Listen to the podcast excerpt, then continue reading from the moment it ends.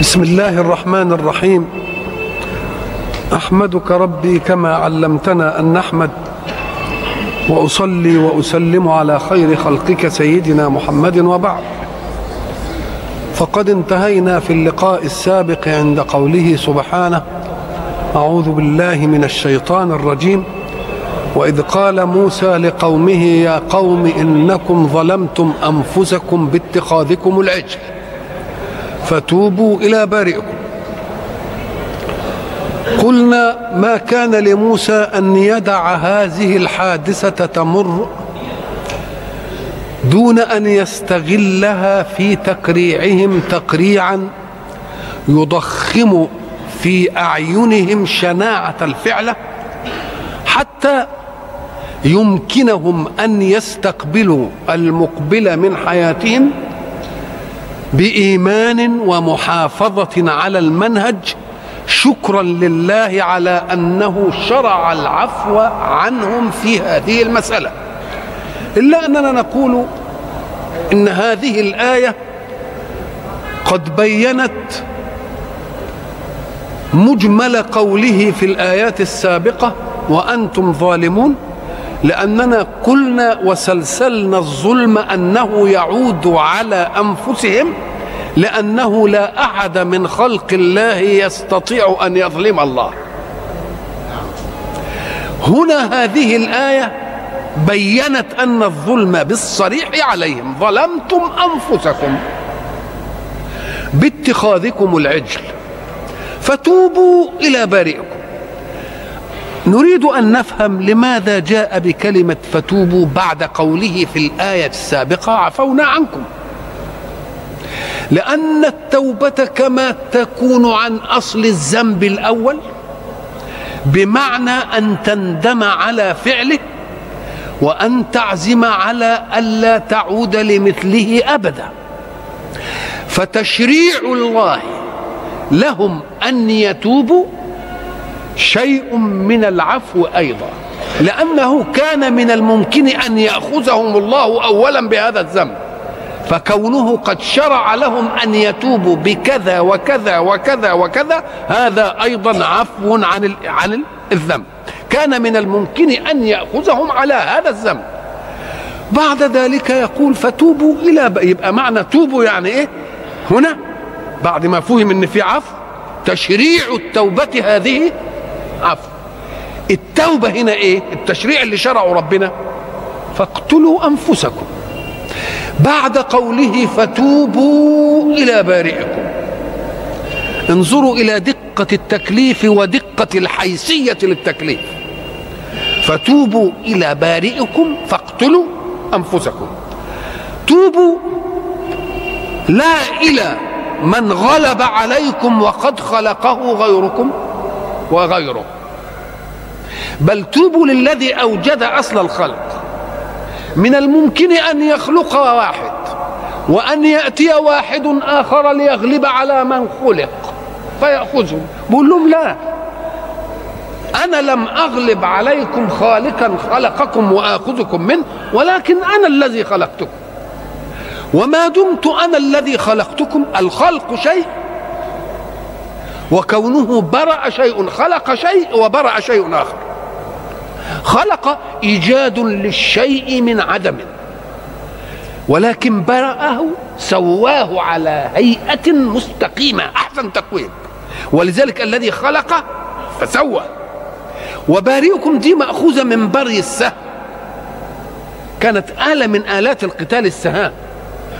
السهام يجيب قوس كده من من من شيء زي الخرزان ينتني ويعمل فيه الوتر وبعد ذلك يركب فيه السهم ويشد القوس كده والسهم ينتطر. السهام التي تنفذ في جسوم الأعداء يصنعونها هكذا. حتى إذا دخلت ما تخرجش. يبقى خروجها صعب. يعمل لها إيه؟ يعني زي دقن كده. إحنا ما فاهمين كلمة السهم. إذا شفت حاجة بتشير إلى حاجة كده سهم أهو ده السهم. مأخوذ من هذه المسألة. فبري السهام إنك أنت بتجيب نون من الخشب صلب نافذ وتعمله بشكل مخصوص بحيث يكون مدبب الرأس هكذا ثم يسير إلى خلف على هيئة مثلث. يقوم دقة البري في أن دي دقة تنفذ من الجسم وتوسع لما بعدها وما بعدها توسع لما بعدها إلى أن ينفذ كل إيه؟ كل السهم. بري السهم ده عايز دقة بقى. فبيقول أنا بس مش خالد أنا خلقت وبرأت. يعني علشان أعدكم الإعداد المناسب لمهمتكم في الحياة. وما دمت أنا الذي برأتكم وأنتم اتخذتم إلها هو العجل غيري. لا يمكن أن يكون التوبة عن هذا الذنب أشرعها لكم توبة صحيحة. وتشريعي أن تتوبوا وتشريعي كفارة على ذنبكم لون من العفو. وإلا فكان من الممكن ألا أشرع وأن آخذ أخذ عزيز مقتدر ولكن شرعت. ما هو؟ قال فتوبوا إلى باركم فاقتلوا أنفسكم. آه لأن الذي برأ وخلق وخلق خلقا مسوى ثم كفرت به وعبدت سواه يطلب منك الحياة الذي وهبها لك. أول حاجة كده أنا عايز الحياة بقى اللي إيه؟ اللي أنا وهبتها لك. علشان نبقى خالصين. الحياة وهبتها لك هقول لك أنت اللي تقتل نفسك. اقتلوا أنفسكم يعني ليقتل بعضكم إيه؟ بعض. وفعلا لما استفزعوا العملية وجالهم المنهج وجالهم الكتاب وموسى قرعهم وقفوا صفوفا. قالوا إن الذي لم يعبد العجل هو الذي قتل من عبد. ولكنهم حين وقفوا أمام وجد الواحد يجد أخوه يجد ابنه يجد ابن عمه يجد الرحم اللي بينهم فأصبحت ال ال ال الألوان الحياة تعتريهم في أنهم يمدوا أيديهم ليقتلوا. فرحمهم الله بأن بعث ضبابا يسترهم. عشان ما نؤخذش بالإيه؟ بعين الحياة. يشوف قدامه كده لا ما تاخدوش الحياة. فبعث الله إيه؟ إلى أن استحر القتل وقتل منهم سبعين ألف. إلى أن موسى وهارون استصرخا. ربهم وقالوا البقيا البقيا يا رب. فأنهى الله هذه الإيه؟ هذه المسألة. يبقى كلمة بارئكم يعني خالقكم خلقا مسوى وما دمتم قد عبدتم سواءه وهو الذي خلقكم وبرأكم فمن علامة إخلاص التوبة له أن تردوا إليه الحياة وتقتلوا أنفسكم. أو تقتلوا أنفسكم التي جعلتكم تتمردون على المنهج بأن لا تجعلوا لنفوسكم ملحظا مع الله. وده برضه ممكن أن يحتمله المعنى. ولكن الأخبار التي وردت دلت على أن هناك إيه؟ قتل وقتل وحصل. وأنت حين تستمع إلى أن الله شرع الكفارة عن الذنب وسماها عفوا تعلم جيدا أن الذي أقبل على ما شرع الله من الكفارة وهي القتل شرع له القتل. جاءت له لحظة تيقن فيها أنه لا إله إلا الله. ولو كان هيبقى الأمر بأنه بيعبد عجل وعنده ظن في واحد تاني ما كانش يسأل عن هذا التكليف. يقول طيب آه يبقى كونه يقدم نفسه عشان ينقتل. يبقى ده دليل على إيه؟ على أن الآلهة اللي كانت في راسه والأشياء اللي كانت في دماغه انتهت. وإلا لو كان لها بقية من حق في ذاته لقال تمرد. ما تمردش ليه؟ مع أن المطلوب أقصى ألوان الكفارة وهو أن يقتل إيه؟ وهو أن يقتل نفسه. بدي يقول لك أنه ساعة تأتي أمور الشدة يذهب هباء كل ما يدعى غير الله. وبعد ذلك لا يخضع الإنسان إيه؟ نفسه. اذا فقوله فتوبوا إلى بارئكم أي إلى خالقكم خلقا مسوا وقد كفرتم به وعبدتم العجل فالذي كفرتم به وهو واهب الحياة يطلب منكم أن تردوا إليه هذه الإيه؟ هذه الحياة. وحينئذ تكون الصفقة قد انتهت الدنيا. وبقي لكم المغفرة والرحمة في الآخرة. فتوبوا إلى بارئكم فاقتلوا أنفسكم. ها ذلكم خير لكم عند بارئكم. فتاب عليكم إنه هو التواب الرحيم. يبقى تاب الأولانية شرع لكم الكفارة. وتاب الثانية بعد ما نفذتم يبقى انتهت الإيه؟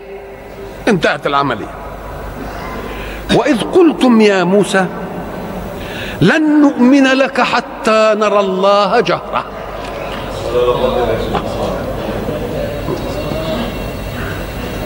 لون من اللجاج في بني إسرائيل ولون من العناد ولون من التلكؤ ولون من المادية في الأشياء. لا يؤمنون إلا بالأشياء الإيه؟ المادية كده المحسة. زي ما قلنا إيه؟ اشتروا بآيات الله إيه؟ ثمنا قليلا مادية. فهم يريدون أن يجعلوا الله مادة. ولم تتسع عقولهم ولا قلوبهم إلى أن شيئا يوجد وهو غير مدرك. وقلنا ان نظرة الإنسان هذه النظرة نظرة حمقاء. ولذلك ردنا الله في هذه القضية قضية اننا نشوف كده مباشرة. ردنا رد قال وفي أنفسكم أفلا تبصرون. إيه في أنفسكم؟ أي الدليل في نفسك. الدليل ليس خارجا عنك. دليل القمة على وجود الإله الذي لا يدرك موجود في نفسك. كيف؟ لأن نفسك كما قلنا مكونة من مادة نفخت فيها الروح. فالروح هي التي تدير هذا الجسم. وتحرك كل أجهزته ما نعرف منها وما لا وما لا نعرف. وتؤدي وظيفة الحركة والحس في الحياة. إذا فالجسم مدار بروح. ولكنك لا تدرك أنت هذه الروح. لا تدركها لا بالعين ولا بالأذن ولا بالأنف ولا باللمس. فقل لي بالله إذا كان بعضك وهو الروح وهي مخلوقة لله لا تستطيع أن تدركها إلا بآثارها فكيف تعجز عن إدراك مخلوق هو في ذاتك؟ ثم تستشرف لتدرك الخالق. لا إله إلا إذن العملية مش قياسية خالص. كان يجب الأول إنك أنت تقول ما أعرف الروح دي. أهي بين جنبك أهي قريبة منك أهي. وأنت بها تحت وبها تتكلم. فقل لي بالله أدركتها لم أدركها. وهي مخلوقة؟ وهي مخلوقة. فكيف يستشرفون إلى إدراك خالق وقد عجزوا عن إدراك مخلوق؟ انظر إلى دقة الأداء في قوله حتى نرى الله جهرة. لأن نرى دي قد تطلق ويراد بها العلمية. رأى ويبقى رأى علما يعني. قال لك لا ده مش ديا. زي مثلا أرأيت يعني أعلمت. يبقى إذا دي مش إيه؟ ده قال لك جهرة. لكن العلمية دي بتبقى حاجة إيه؟ معنوية وخفية. خفية. هم مش عايزين دي. يبقى جهرة يعني إيه؟ يعني مجهور بها واضحة. ندركها بحواسنا. هذا السؤال منهم يدل على أنهم لم يتساووا لم يتساموا عن المادية التي هم فيها وكل شيء غير مادي لا يؤمنون بوجوده. يبقى إذا الإيمان بالله ده نقول لهم تعالوا أنتم أغبياء. طب إذا كنت بتقول حتى نرى الله جهرة إذا فالله له مدلول عندكم. الله له مدلول عندكم والمطلوب بس إنه يبان لكم. طب ما تاخدوا من الإله اللي هو الله اللي باين لكم ده وتسيبوا حتة إنكم تشوفوه. لو كانت العملية دي, دي عشان تعرفوا أهو موجود أو غير موجود ما كنتش قول ما تقولوش حتى نرى الله إيه؟ حتى نرى الله جهرة. اذا العملية لا. العقل لم يقف في وجود الله وإنما وقف في إيه؟ في أن رؤية الله جهرة. يبقى دي الوقفة. ولذلك هو ده اللي هيخلي إيه؟ شجعهم إن موسى قال له إيه؟ أرني إيه؟ أرني أنظر إليك. أرني؟ أرني أنظر إليك. مش كده ولا لا؟ أرني أنظر إليك. ما موسى. أرني أنظر إليك. طيب. أرني أنظر إليك. دي عملها علشان يبين إن دي قضية في الدنيا لا سبيل إليها. لأن هناك فرق بين خلق أعد بأجهزة لها قوانين في إدراكها وبين خلق آخر سنكون عليه يوم القيامة. ولذلك بنختلف.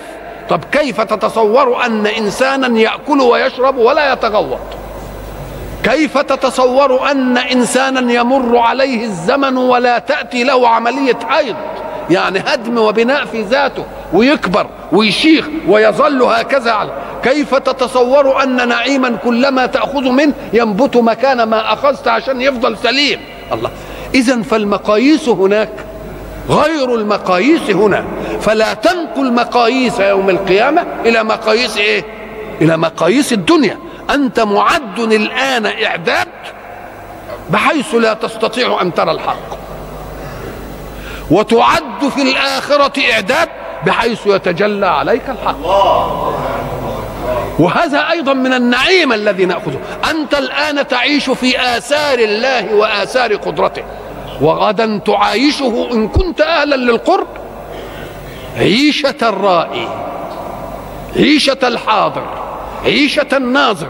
تبقى ادي ميزة وإلا فأنت تعيش الآن في آثار الله. ولكنك تعيش في الآخرة بآثار الله الباقية وبذاته التي ليس كمثلها شيء.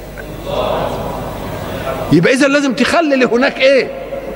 خلي هناك عمل. فموسى لما جه قال أرني أنظر إليك. قلنا سابقا أن الحق سبحانه وتعالى أراد أن يحسم الأمر في هذه القضية. حسما يوقف العقول عند حدها. وقلنا إن العقل له وسيلة وله حدود والعين لها هي وسيلة ولها حدود. البشر الآن يستطيعون الشيء الذي لم يكن يرى بالمجاهر. خلينا نشوفه ولا لا؟ ها. والشيء البعيد قوي قوي خلينا نشوفه بالإيه؟ بالتلسكوب. إذا ففيه ميكروسكوب يكبر الشيء. وفيه تلسكوب إيه؟ لأن الشيء يختفي. لماذا؟ كل ما يبعد كذا متر يقل حجمه كذا. إلى أن يتلاشى وترى مثلا الجبل كنقطة أو ترى الرجل الطويل زي الطفل. كل ما يمشي كده يتلاشى يتلاشى يتلاشى. ليه ما تلاشاش هو؟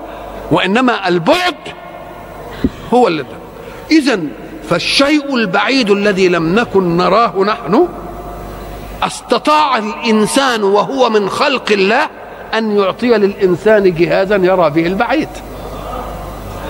واستطاع الإنسان وهو من خلق الله أن يجد بجهاز يشوف بالشيء الدقيق اللي الذي لم يكن ليدرك بالإيه؟ بالعين الايه بالعين المجردة. فإذا كان ذلك عمل الإنسان أمده بأشياء وإن كانت منفصلة عن ذاته. يبقى في الآخرة يمدك الله بأشياء من ذاتيتك. لترى بها ما لم تكن ترى. اذا فوجود أشياء لم تكن مرئية فرؤيت وأشياء لم تكن مدركة فأدركت بوسائل البشر تقرب لنا. أننا في الآخرة سنعد إعدادا. إذا كان إعداد البشر عمل هذا يبقى اعداد خالق البشر إيه؟ يبقى يخلي لي ذاتية وقلنا كمان أن الإنسان مثلا يبقى نظره ضعيف فيذهب إلى طبيب العيون وبعد ذلك يقول له لا أنا أجيب لك نظاره النظاره دي نظاره بعد أو زي ما بيقولوا نظاره مسافة. اذا اللي ما كانش بيشوف بيشوف. واحد تاني طبيب تاني أمهر منه يقول له ليه أنا أقدر أعمل لك في عينك نفسها؟ عملية بحيث ما تستغنى عن النظاره يبقى دوك أعانه بآلة ودي اعاله بذاتية في العين. فإذا كان ذلك هو البشر مع البشر. يبقى الحق سبحانه وتعالى يعدنا إعداد عشان إيه؟ نبقى نتمتع بالنظر إلى إيه؟ إلى وجه. لكن في الدنيا حسمها الله حسما مع موسى. أرني أنظر إليك. يعني أنا مخلوق على هيئة لا تمكنني من أن أراك. فإن أريتني أنت أقدر أنظر. اذا فالعجز جاي من ناحية إيه؟ من ناحية البشر. إن تريني أنظر إليك. فالله حسمها حسما وقال أنا إيه؟ انظر إلى الجبل. فإن استقر مكانه فسوف إيه؟ تراني. فلما تجلى ربه للجبل اذا فلله تجل. ولا إيه؟ آه. اذا فلله تجل. وتجلى على خلق هو الإيه؟ هو الجبل. ما دام لله تجل يبقى الله يتجلى. وعلى خلق هو الجبل. لكن الجبل اللي إحنا نعرف له الصلابة والقوة والتماسك وبنضرب به المثل صامد كالجبل وهو إلى آخره. إيه اللي حصل للجبل؟ جعله دكا. فكأنه يقول له أنا لم اطن عليك بالرؤيا. ولكنك رح رحمتك بأن ما تجلتش إليك. لأن الجبل وهو أصلب منك وأقوى حينما تجليت عليه دك. فلما رأى موسى الجبل قد دك. خر موسى صاعقا يا سيدنا موسى إذا كنت أنت صعقت من رؤيتك للمتجلى عليه فكيف لو رأيت المتجلي فربنا حسم الإيه؟ حسم المسألة حسم علشان ما نستشرفش إلى شيء لم نكن معدين له. وعجز الإنسان عن شيء لم يكن معدا له لا لا يقال عجز. لا يقال إنما ما أعدش لهذا. فحين تفهم أنك عاجز عن هذا ولا تعمل عقلك فيما أنت عاجز عنه تكون قد وفرت قوتك.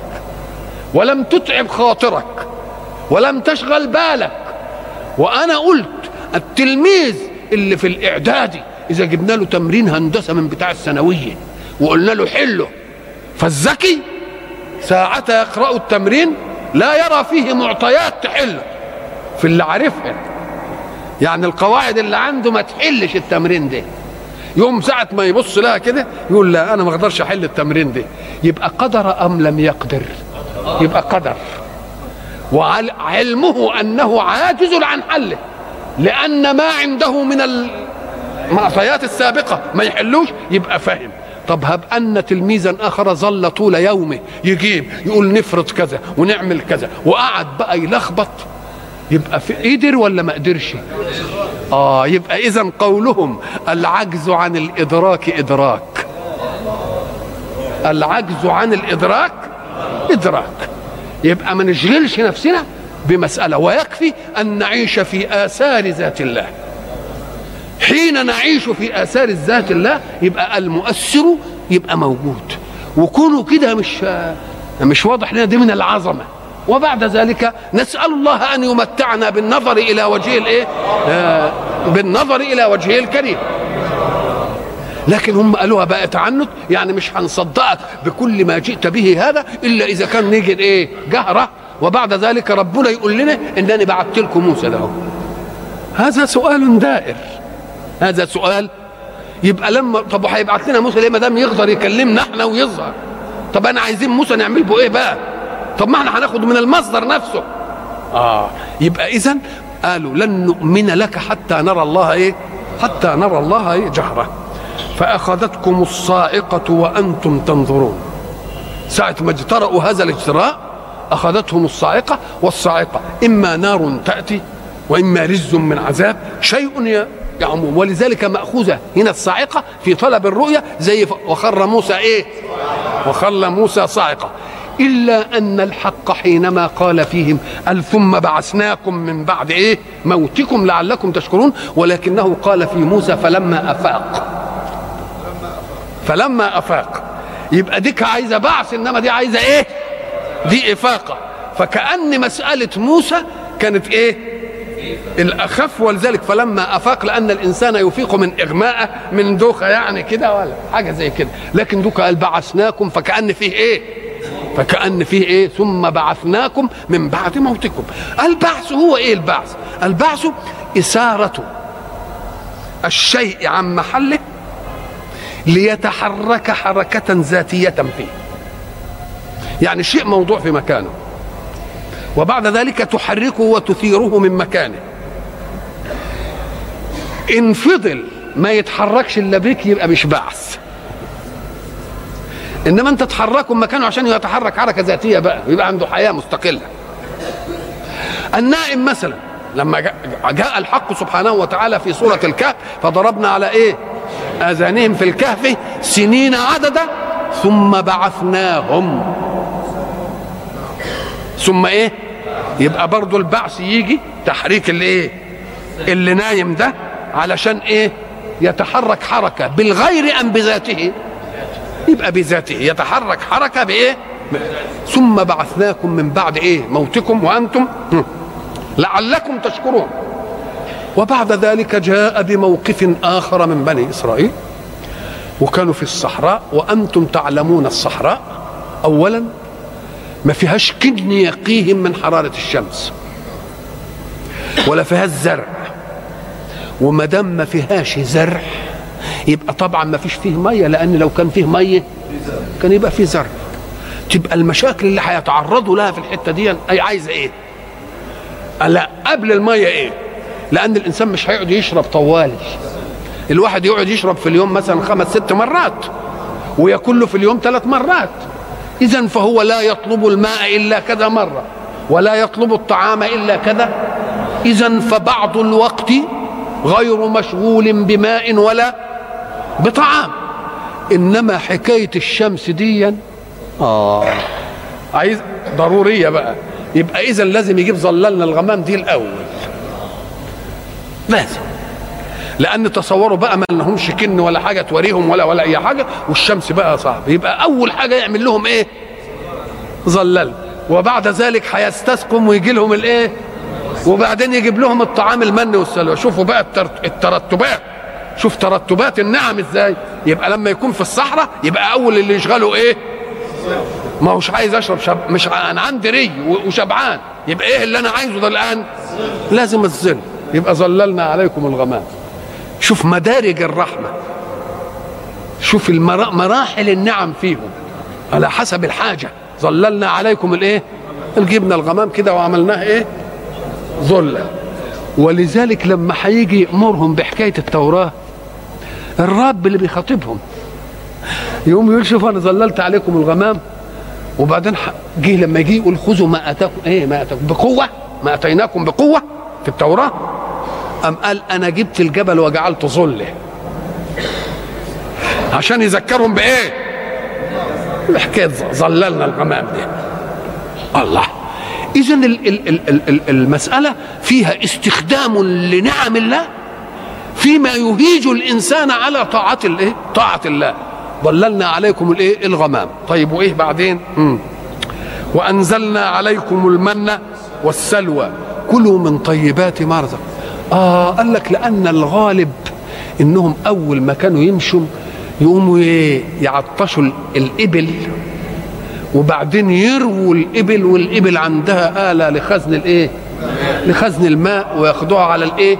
فكانوا دائما يحتاطون بالماء يمكن أكثر من احتياطهم للطعام. لأن إحنا قلنا إن حاجة الإنسان إلى إيه؟ إلى الماء أكثر من حاجته إيه؟ إلى الطعام. طب ودي حتة لا فيها زرع ولا فيها أي حاجة. فقال داني أنزلت لكم المن والإيه؟ والسلم المن ده إحنا كنا فلاحين نقوم نشوف بعض أوراق الشجر يجي عليها نقط حمراء كده. برضه بنقول عليها إيه؟ من.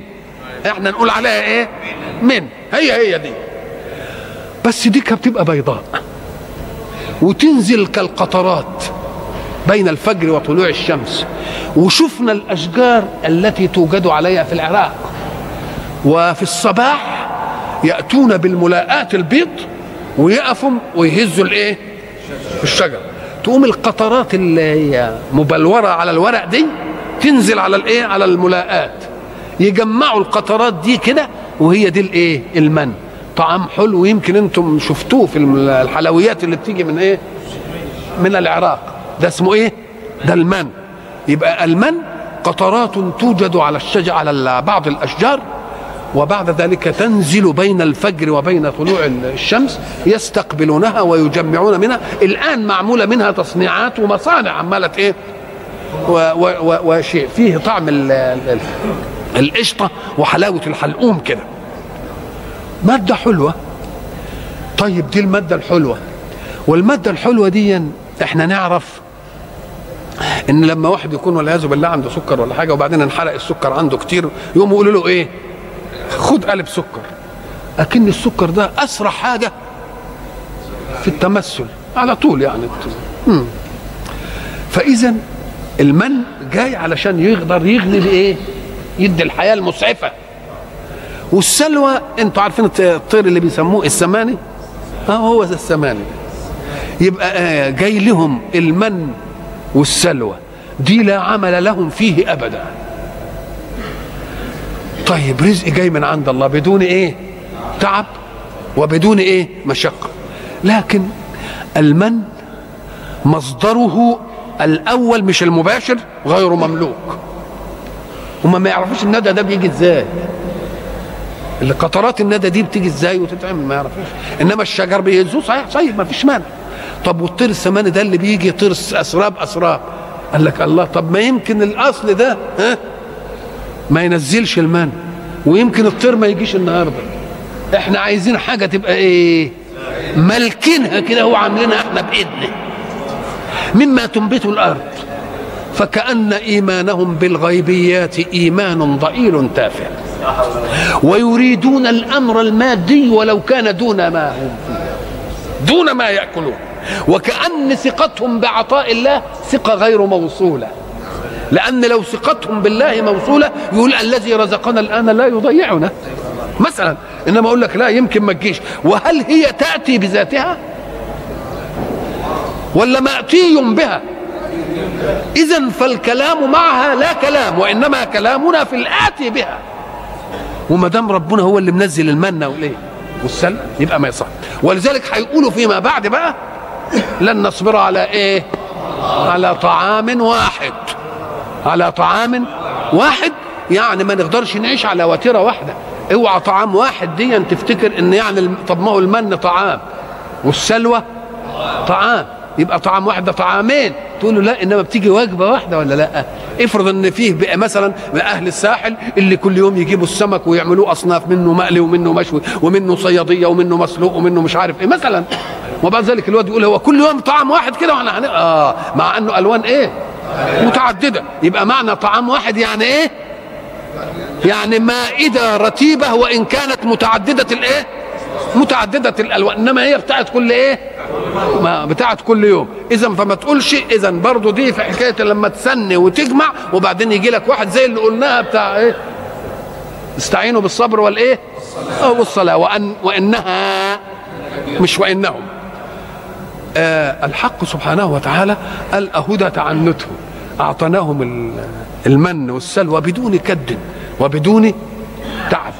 بقى بعد ما عملوا هذه العمايل وبعد ذلك يعاملهم الله هذه المعاملة. دي معاملة إيه؟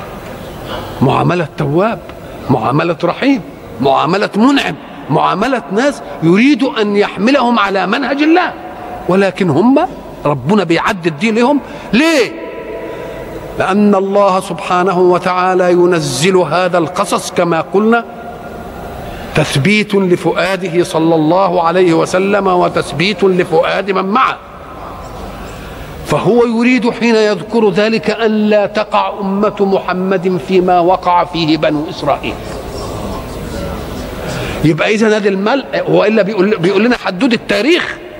لا ده عبرة. وعبرة لمين؟ لقد كان في قصصهم عبرة. عبرة لأولي إيه؟ لأولي الألباب. فبيدينا بقول كأنه يقول هم فعلوا ذلك فإياكم أن تفعلوا. هم فعلوا ذلك فإياكم أن تفعلوا. وظللنا عليكم الغمام وأنزلنا عليكم المن والسلوى. كلوا من طيبات ما رزقناكم وما ظلمونا ولكن كانوا أنفسهم يظلمون. دي ثالث مرة. وأنتم ظالمون الأولى. مش كده؟ وبعد ذلك ظلمتم أنفسكم. وبعد ذلك جاءت بالنص. ما ظلمونا ولكن ظلموا أنفسهم يبقى أول مرحلة إيه؟ أنتم ظالمون على إطلاقكم. وبعد ذلك جاءت الآية قالت ظلمتم مين؟ ظلمتم إيه؟ أنفسكم. خلاص؟ كونك ظلمت نفسك لا يمنع أنك ظلمت غيري لأن العطف انه ظلمتك وظلمت فلان. يقول إياكم فما ظلمونا ولكن إيه؟ آه كانوا أنفسهم يظلمون. وإذ قلنا ادخلوا هذه القرية فكلوا منها حيث شئتم. فيه مرة يجي رغدا حيث شئتم لما تسمع كده رغدا حيث شئتم ومرة حيث شئتم إيه؟ رغدا. كلمة حيث شئتم دي تدل على إن عندك ألوان إيه؟ ألوان كتير. ورغدا يعني خصب وكتير. اذا ده ديك في الأصناف ودي في الكميات للصنف الواحد. يبقى في أصناف وفي كميات للصنف الواحد. ساعة ما يقول لك كلوا رغدا افهم ان المخاطب نوعين. ساعة الخطاب. واحد كان جعان وواحد مش جعان. اللي مش جعان ده نخاطبه فيه ونقول له ألوان متعددة لأن من أخصب تخير. إنما الجعان ده إيه؟ عايز أي عايز أي حاجة. يبقى مرة يقدم حيث شئتم للمتبغدد. للي إيه بيتبغدد. يقدم حيث إيه؟ قدامك ألوان كتير ما عجبكش ده عجب ده إنما الثاني ما بيتبغددش. يبقى اذا هو يخاطب صنفين. واحد شبعان وواحد جوعان. مش كل الناس على حالة واحدة. اذا ما تقولش ده قدم هنا وأخر هنا وقد قول له السياق. السياق هو الذي يحكم الألفاظ في أماكنها. فلا تقل أنه قدم وأخر لا ما تنفعش إلا كده. ما تنفعش إلا كده. القرية قالوا إنها بيت المقدس وقالوا إنها فلسطين وقالوا إنها الأردن. أي قرية؟ ادخلوا الايه القرية؟ هم لما خوطبوا بها عرفوها ولا لا؟ المخاطب بها يعرفها أم لا؟ آه يعرفها. ادخلوا. وإذ قلنا ادخلوا هذه القرية فكلوا منها حيث شئتم رغدا وادخلوا الباب سجدا. وقولوا حطة. نغفر لكم خطاياكم وسنزيد المحسنين. نغفر لكم خطاياكم وسنزيد المحسنين. طيب ادخلوا القرية. هي دي اللي هيقول فيها في آيات أخرى. قالوا لا لن ندخلها ابدا ما داموا فيها العمالقه ودول قوم جبارين. و... آه. وبعد ذلك لما جاءوا فيما بعد على يد نون ودخلوا ماذا حدث؟ الله يقول لهم ادخلوا الباب سجدا. سجدا يعني دي منتهى الخضوع. طيب. وقولوا حطة يعني حط عنا ذنوبنا حطة. تمردهم حتى في الأمر يجيبون إليه مصحوب بتلبيس حق بباطل. ما, هي ما إحنا قلنا زمان ولا تلبسوا لكن دي خاصية فيهم. هم برضو دخلوا الباب بس مش سجدا. دخلوا يزحفون على أدبارهم. طب بالله قولوا المشقة فيما صنعوا أم فيما تركوا؟ فيما صنعوا. طب شوف تصور بقى واحد عمال يدخل وهو بقى. الله. فكأنهم ارتكبوا مشقة أكثر من المأمور به ولا يكون ذلك إلا إرادة المخالفة. إرادة المخالفة بس وبعد ذلك قال لهم قولوا حطة يعني حط عنا ذنوبنا. برضه لبسوا الحق بالباطل فيه وقالوا إيه؟ حنطة. قال يعني استهزاء بالإيه؟ يبقى إذا الحركة والقول. تكليف يا بحركة يعني فعلية يا بقول لساني. ففي الحركة قال ادخلوا سجدا. وفي القول اللساني قال قولوا حطة. في الحركة غيروها إلى أصعب. مش غيروها إلى أسهل نقول ده دي كشقة عليهم.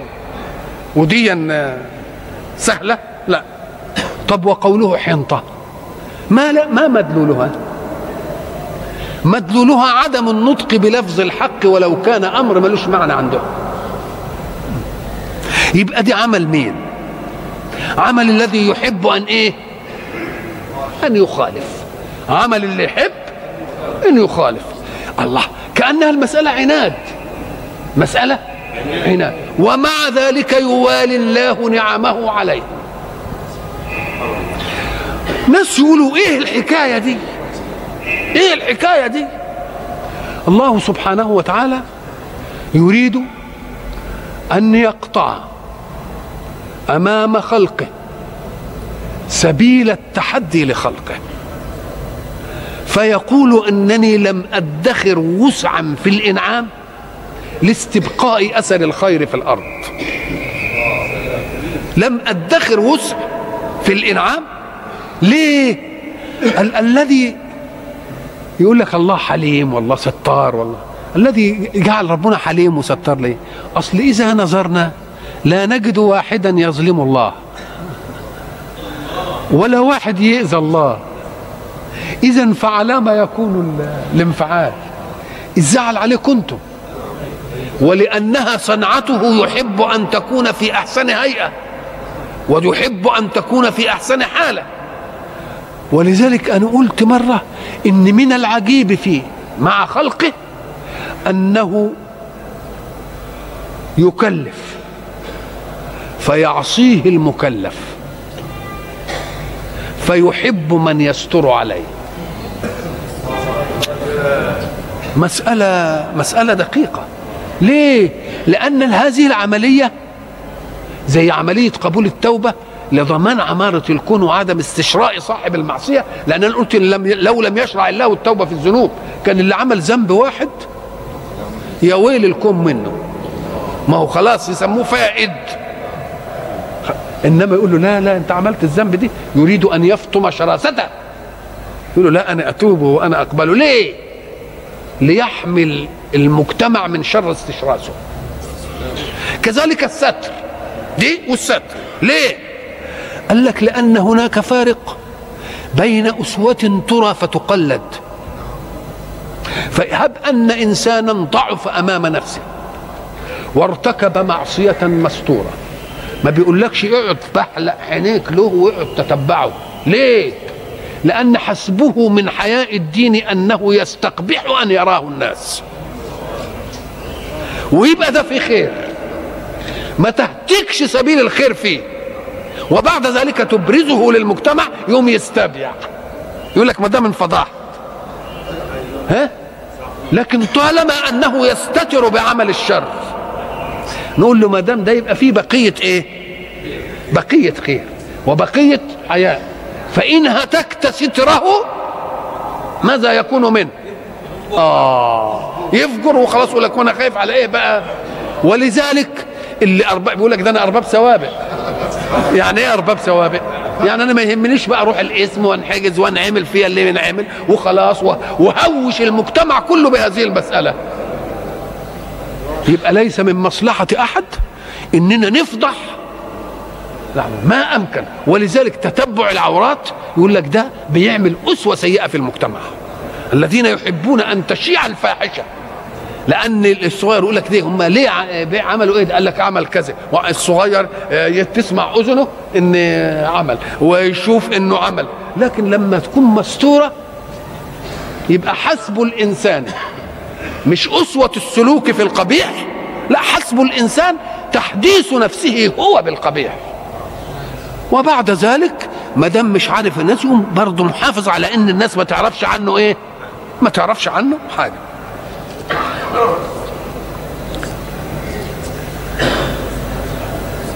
وادخلوا الباب سجدا وقولوا حطة نغفر لكم إيه؟